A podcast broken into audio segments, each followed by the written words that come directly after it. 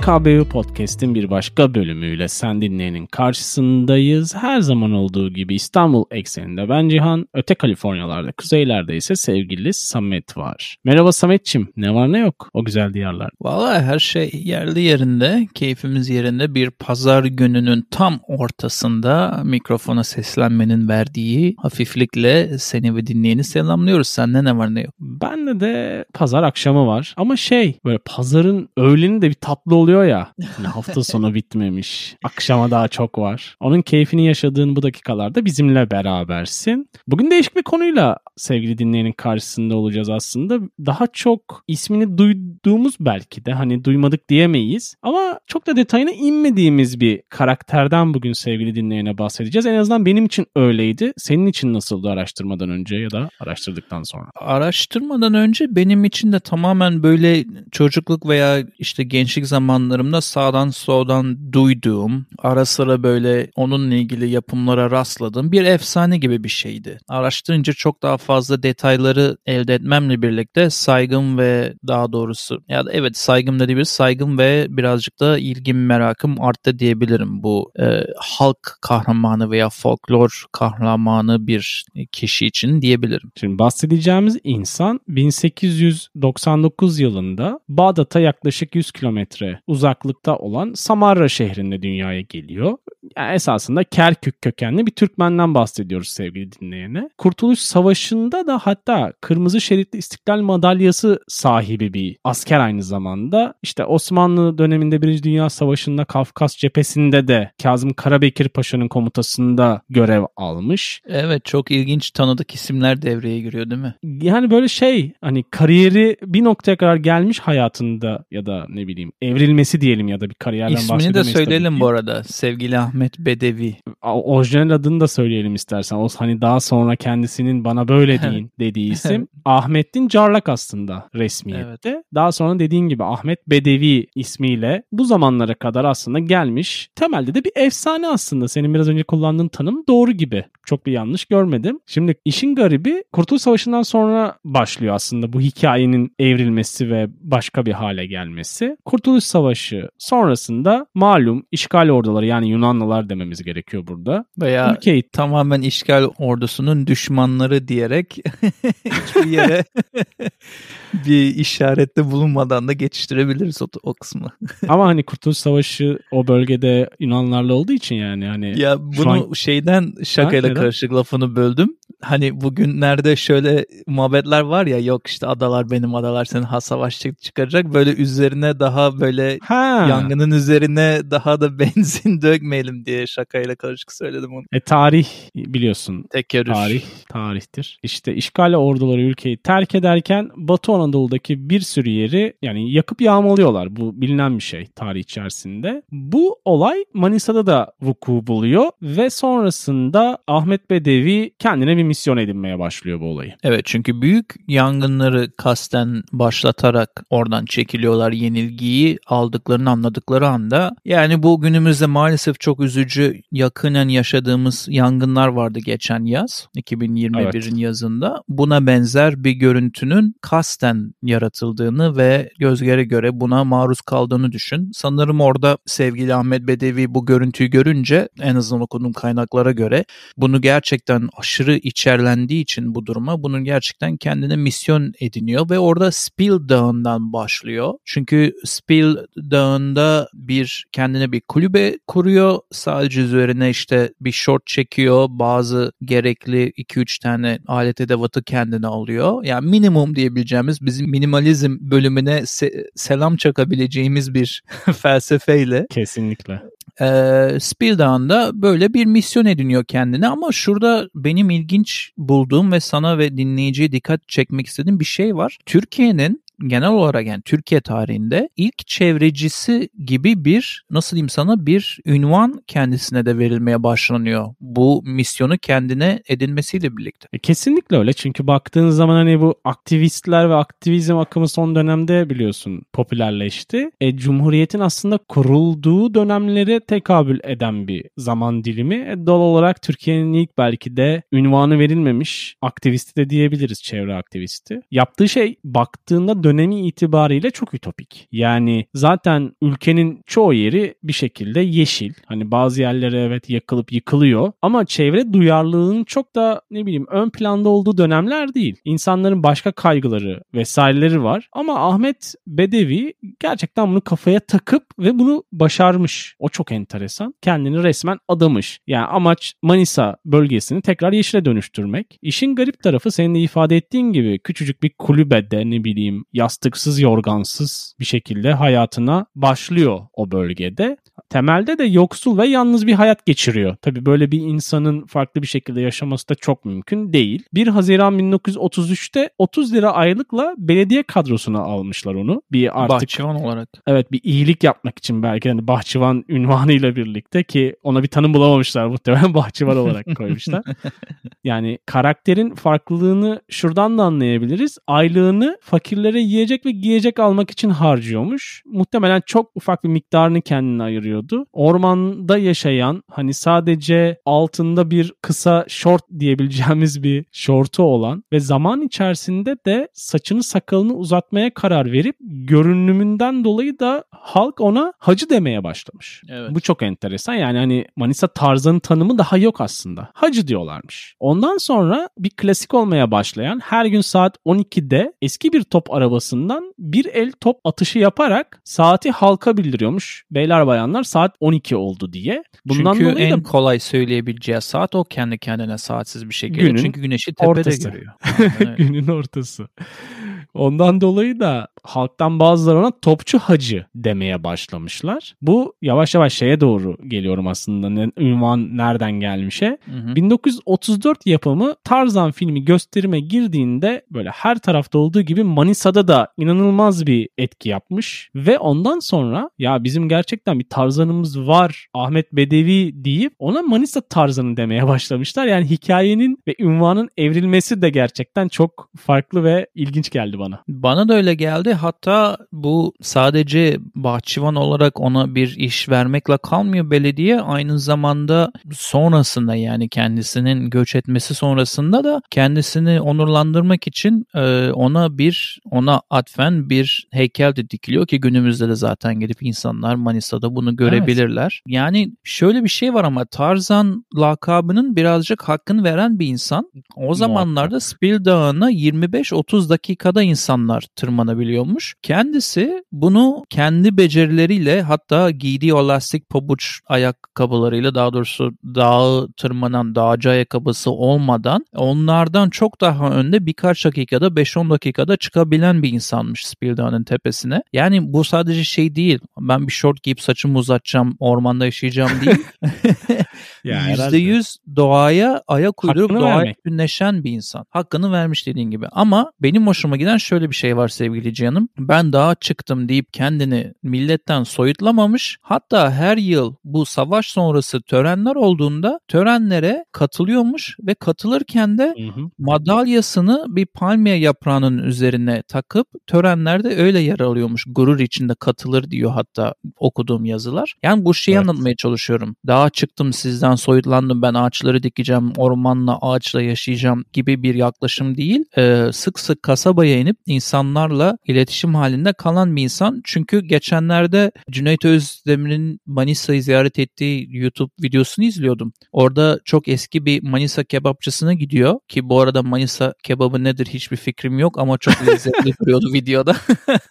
Kesinlikle ilgim var şu anda bir gün gidersem. E, efendim ne söyleyeyim orada Manisa kebabını yerken sahibiyle bir sohbet ediyorlar bayağı işte yaşlı bir beyefendiyle. Ona soruyor orada bir anda hani bu efsane olan kişiliği görme şansınız oldu mu diye adam şey diyor. Her sabah o o zaman işte fırın gibi bir yerde çalışıyormuş sabah 6'da daha şehir uyanmadan uyanan bir insanmış. Her sabah ben 6'da fırınıma giderken o da günlük sabah yürüyüşünü yapıyordu kasabanın içinden ve biz selamlaşıp hal hatır soruyorduk birbirimize. O yüzden hatırlıyorum kendisini diyordu. Yani bu tarz küçük veriler çok hoşuma gitti bunları bulmak. Çünkü ben kaçtım agalar daha sizle işim olmaz gibi bir durum değil yani bu. Yine de bütünleşmiş kendi halkıyla orada. Dediğin örnek çok doğru. Hatta birkaç tane daha benzer röportaj izledim ben de. Hani aktivist tanımını tam olarak dolduruyor diyebiliriz. Çünkü çocuklara bayağı eğilmiş. Çünkü şeyin temelini biliyor. Bu yeşil örtüyü saldıktan sonra bunun devamını sağlayacak olan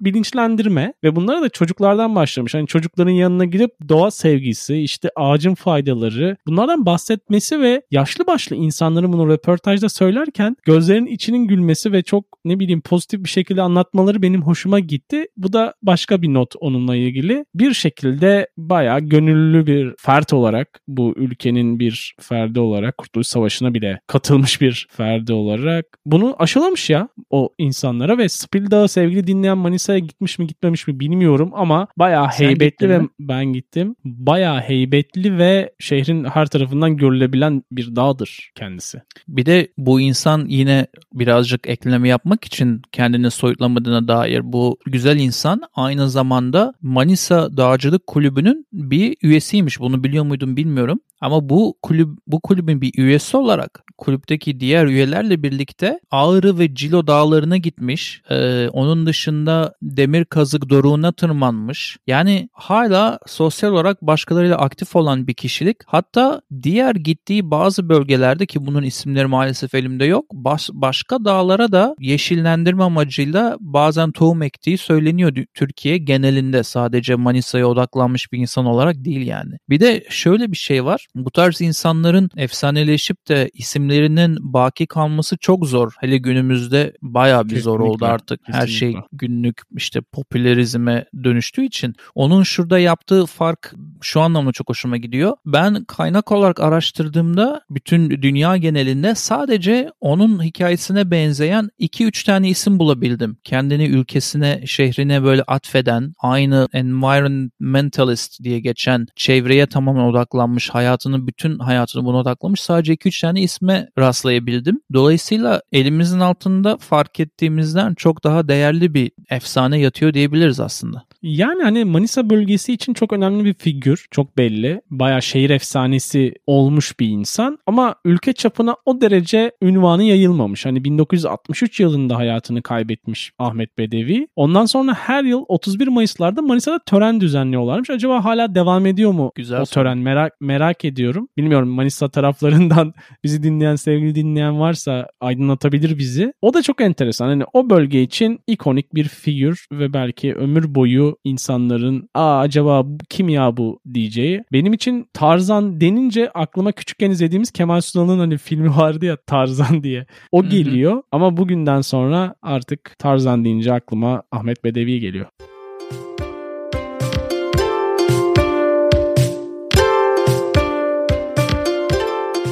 Sevgili Cihan'ım uzakta da olsak bayağıdır podcast sayesinde yakın hissediyoruz. Yıllardır yapıyoruz bunu. Bunun bir sebebi de aslında Zencaster'ın bize sunduğu imkanlar diye düşünüyorum öyle değil mi? Doğru diyorsunuz Samet'ciğim. Sadece iyi bağlantı değil yüksek ses kalitesi ve video ile de dinleyene güzel bir tecrübe yaşatmamızı sağlıyor. Üstelik herhangi bir programa ihtiyaç duymadan kolayca siteler üzerinden edit yapabiliyoruz ve hatta podcast'i yayınlama imkanı da sahibiz. Baya bir avantaj aslında. Sen de zencaster.com slash pricing adresine girip HKBU kodunu kullanarak ilk 3 ay %30 indirim ile Zencaster profesyonel hesabını açabilirsin. Eğer sen de bizim gibi kolay bir şekilde podcast kaydetmek istiyorsan şimdi kendi hikayeni paylaşmanın tam zamanı.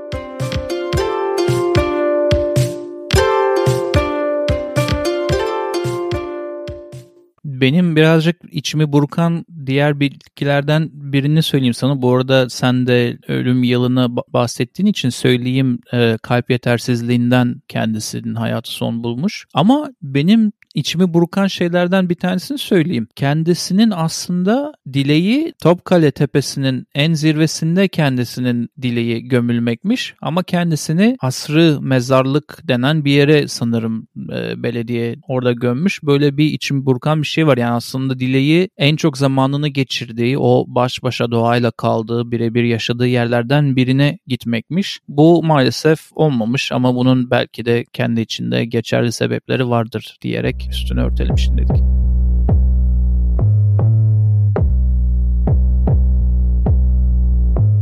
Ne öneriyoruz kısmıyla bir kez daha Sentinel'in karşısındayız. Her zaman olduğu gibi bu bölümde bazı önerilerimiz olacak ve sevgili Samet karşımda hazır mı? Hazırım. Hatta bu kısmını öneriyoruz bölümünü bilerek bıraktım aslında. Bölümün devamı olması kısmen sayılabilir. Hı hı. Şimdi iki tane isim karşıma çıktı. Dedim ki kendi kendime Manisa Tarzan'ı tarzı efsaneleşmiş, kendini doğaya vermiş başka ülkelerde böyle az bilinen ama ülke içinde çok fazla elle tutulur şeyler yapmış insan var mı diye. Bunlardan bir tanesi ki öneriye dönüşecek bu anlattığım şey. Bunlardan bir tanesi Hindistan'da bulunan bir elemanın erozyona uğramak üzere olan büyük bir erozyon sonrası bayağı bir kayıplara uğramak üzere olan bir bölgeyi tamamen kendi kendine yeşillendirmesiyle ilgili. Bunun hmm. bir belgeseli çekilmiş sevgili Cihan ve bu belgesel Cannes Film Festivali'nde 2014'te de Oo. ödül almış ve 16-17 dakikalık falan bir belgesel yani çok amatör birinin profesyonel bir şekilde yaptığı kısa bir şey. Bunun adı Forest Man bu belgeselin adı ve bu belgeseli yapan insan da şuradan bağlantıyı kuracağım Manisa tarzanıyla. Belgeseli yapan insan belgeselin resmi web sitesinde şöyle bir yazı yazıyor yazıyor. Ben bu belgeseli yaparken iki tane insandan ilham aldım diyor. İki tane insanın hayatından. Biri tahmin edersiniz ki Manisa Tarzan'ı Tarzan of Manisa diye yazmış sitesine kendisi İngilizce.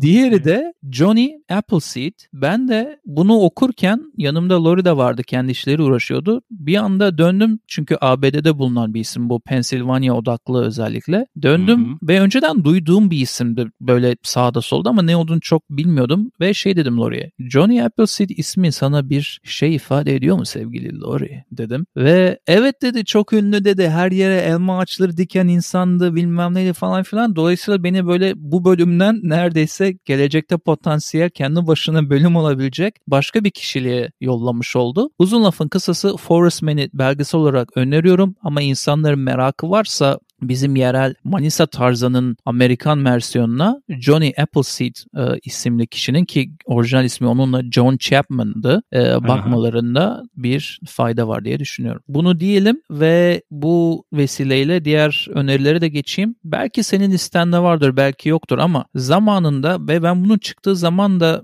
aşağı yukarı hayal meyal hatırlıyorum veya daha sonralarında belki rastladım. YouTube'da da şu anda bulunan Manisa Tarzanı diye bir film yapmışlar. Bilmiyorum önüne çıktı evet. mı? Ee, Türkiye'de ha. ender yapılan bu arada çevre odaklı veya çevreciyi promote eden filmlerden biridir. Onu da söyleyeyim yani. Çünkü biliyorsunuz zamanında bizim 70'ler 80'ler 90'lar hep böyle aşk filmleri etrafında döndü baya. Bu daha çevreye odaklanan bir film. İzledin mi bu filmi sevgili canım? Yok izlemedim. Ben bu filmi çok küçükken izlediğimi hatırlıyorum. Belki de oralardan ilham olmuş olabilir bu bölüm bize. Kim bilir. Tamam onu da öyle önermiş olalım. Manisa tarzında filmin YouTube üzerinden böyle çok Yeşilçamvari bir öneriyi açıksanız izleyebilirsiniz diyelim. Ve hemen çok da lafı uzatmadan EKBO dinlencesi adı altındaki Deezer, YouTube ve Spotify'da bulunan şarkı listemize Dahlia isimli gruptan Last Dance şarkısını eklemek istiyorum ve ikinci bir şarkı olarak da Lake of Tears isimli gruptan The Homecoming isimli şarkıyı eklemek istiyorum. Bu şarkılar vesilesiyle de önerilerimi burada bitirmiş olup merakla kulağımı, tek kulağımı sevgili Cihan'a veriyorum. Lake of Tears ha? Öyle olsun. Ben de son zamanlarda izleyip hızlıca bitirdiğim dizilerden biri olan ve sana da geçen söylediğim The Bear var. Gayet böyle yemeğe olan nasıl diyeyim yatkınlığımı arttırdı. Şef odaklı işte mutfakta geçen ağırlıklı çok da uzun olmayan bir dizi. İlk sezonundan sonra zaten ikinci sezonu da imzalandı ve yakında sanıyorum lisanslı olarak da Disney Plus Türkiye'ye de geliyor. Sen şef odaklı ediyorum. bir film veya dizi diye geçir, geçiştirdin ama bana yazarken özelden kendimi alamıyorum, takip edemiyorum. Çok hızlı, çok farklı olaylar gelişiyor falan diyor. Herhalde sadece yemekle alakalı bir dizi değil diye düşünüyorum o yüzden. Ya muhakkak zaten mutfakta geçiyor ama olay ekseni yemek üzerinden biraz psikolojik gitgelleri olan ama inanılmaz tempolu. Böyle izlerken hı hı. yoruluyorsun. Eğer kısa bir göz attıysan sen de anlamışsındır. Temposu ayrı ama o tempoya girdikten sonra da keyif alınabilen bir yapım olarak söyleyebilirim. Çünkü hani Haziran'ın sonunda gösterime girip inanılmaz bir reaksiyon alınca direkt ikinci sezonu imzalanmış. Hani etki tepki durumu olmuş. Öyle de düşünebilirsiniz. IMDB'de bayağı yukarıda olan bir dizidir. Onun dışında iki tane de şarkı önereceğim. Bir tanesi aslında çok eski. Öbürü belki de daha da eski iki şarkı. Ama bu şarkıyı ben aslında yeni böyle özümsedim. Cake grubundan Comfort Eagle ve Pilli Bebek'ten Olan Biten. Bunlar HKBU dinlencesi playlistemizde olacak sevgili dinleyen YouTube, Spotify ve Deezer'a düzenli yüklediğimiz. Yani bunu bilerek yapmadık belki ama hem benim önerdiğim Dahlia hem de benim önerdiğim Lake of Tears de senin söylediklerin kadar eski. Baya bir nostaljiya e, bölümüne selam çakmışız fark etmeden şarkı listemizde. Muhakkak. Ama ben Cake'in bu şarkısını yeni dinledim desem ayıp olmaz herhalde sevgili Cake dinleyen ve seven dinleyicilerden. Hani benim için nostalji olmadı. Böyle aa ulan yeni mi acaba deyip dinledim. Abi baktım 2001'miş mesela. Yani Cake'in kendi grup üyelerine de inşallah ayıp olmaz. Bir gün bu bölümü dinlerseler. Sadece dinleyenlerine değil. Ya muhakkak öyle de düşünebiliriz. E, söyleyecek başka sözün kalmadığı dakikalara hoş geldik diyerek bize Patreon üzerinden ulaşıp destek olabilirsiniz sevgili dinleyen ya da ne bileyim bir bölüm önerim vardır ve ya şu da şunu da konuşsanız güzel olmaz mı dediğiniz önerinizle bizimle buluşabilirsiniz Patreon üzerinden. Onun dışında hkbupodcast.com bildiğin üzere bizim resmi web sitemiz. Onun dışında YouTube, Instagram, Twitter, parantez içi TikTok hariç çoğu Facebook. mecra ve tabii ki Facebook Samet. ya bu platformlar da böyle zamanlar geçtikçe moda ve demode olma olayları var ya çok garip hissediyor insan kendini. Yani Facebook'un yaşlı hissediyorum falan mı diyeceksin? Evet Facebook'un şey olduğu zamanları hatırlar mısın? Hani sadece kısıtlı kişiler alabiliyordu ve Facebook'un demek en havalı insan olman demek. Davetiye. Davetiyeli zamanlardan bahsediyorsun. Davetiyeli zamanlarda ve şu anda insanlar ben sadece Facebook kullanıyorum dediğinde dede muamelesi görüyorlar. Hani o kadar nereden nereye. E şu an şey gibi oldu oldu. Hani belli platformların kullanım tarihleri yani geldi ve geçmek üzere gibi bir durum var. Bu yani Facebook için böyle oldu. Twitter benzer duruma doğru evriliyor. Instagram'ın Instagram hali öyle. ortada falan. Biz de sevgili dinleyeni bu mecralara davet ediyoruz değil mi böyle konuşarak? evet evet o birazcık da birazcık da ondan dedim. Aslında en temizi sevgili dinleyen hkbpodcast.com diye yazacaksın. Orada bölümleri indirebilirsin, bize mesaj atabilirsin dinleyebilirsin. Bölümleri Spotify üzerinden ve hatta direkt bizim kendi hostumuz üzerinden dinleyebilirsin. En temizi o sosyal medyada bilmem neyle uğraşma. Direkt gir bizim sitemize oradan takıl. Bizimle yolculuğa devam ettiği için sevgili dinleyicileri teşekkür edelim. Her şeye rağmen diyelim. bir önceki, bir sonraki, belki geriki bölümlerde tekrar seninle görüşmek üzere sevgili dinleyen. Hoşçakal. Goodbye.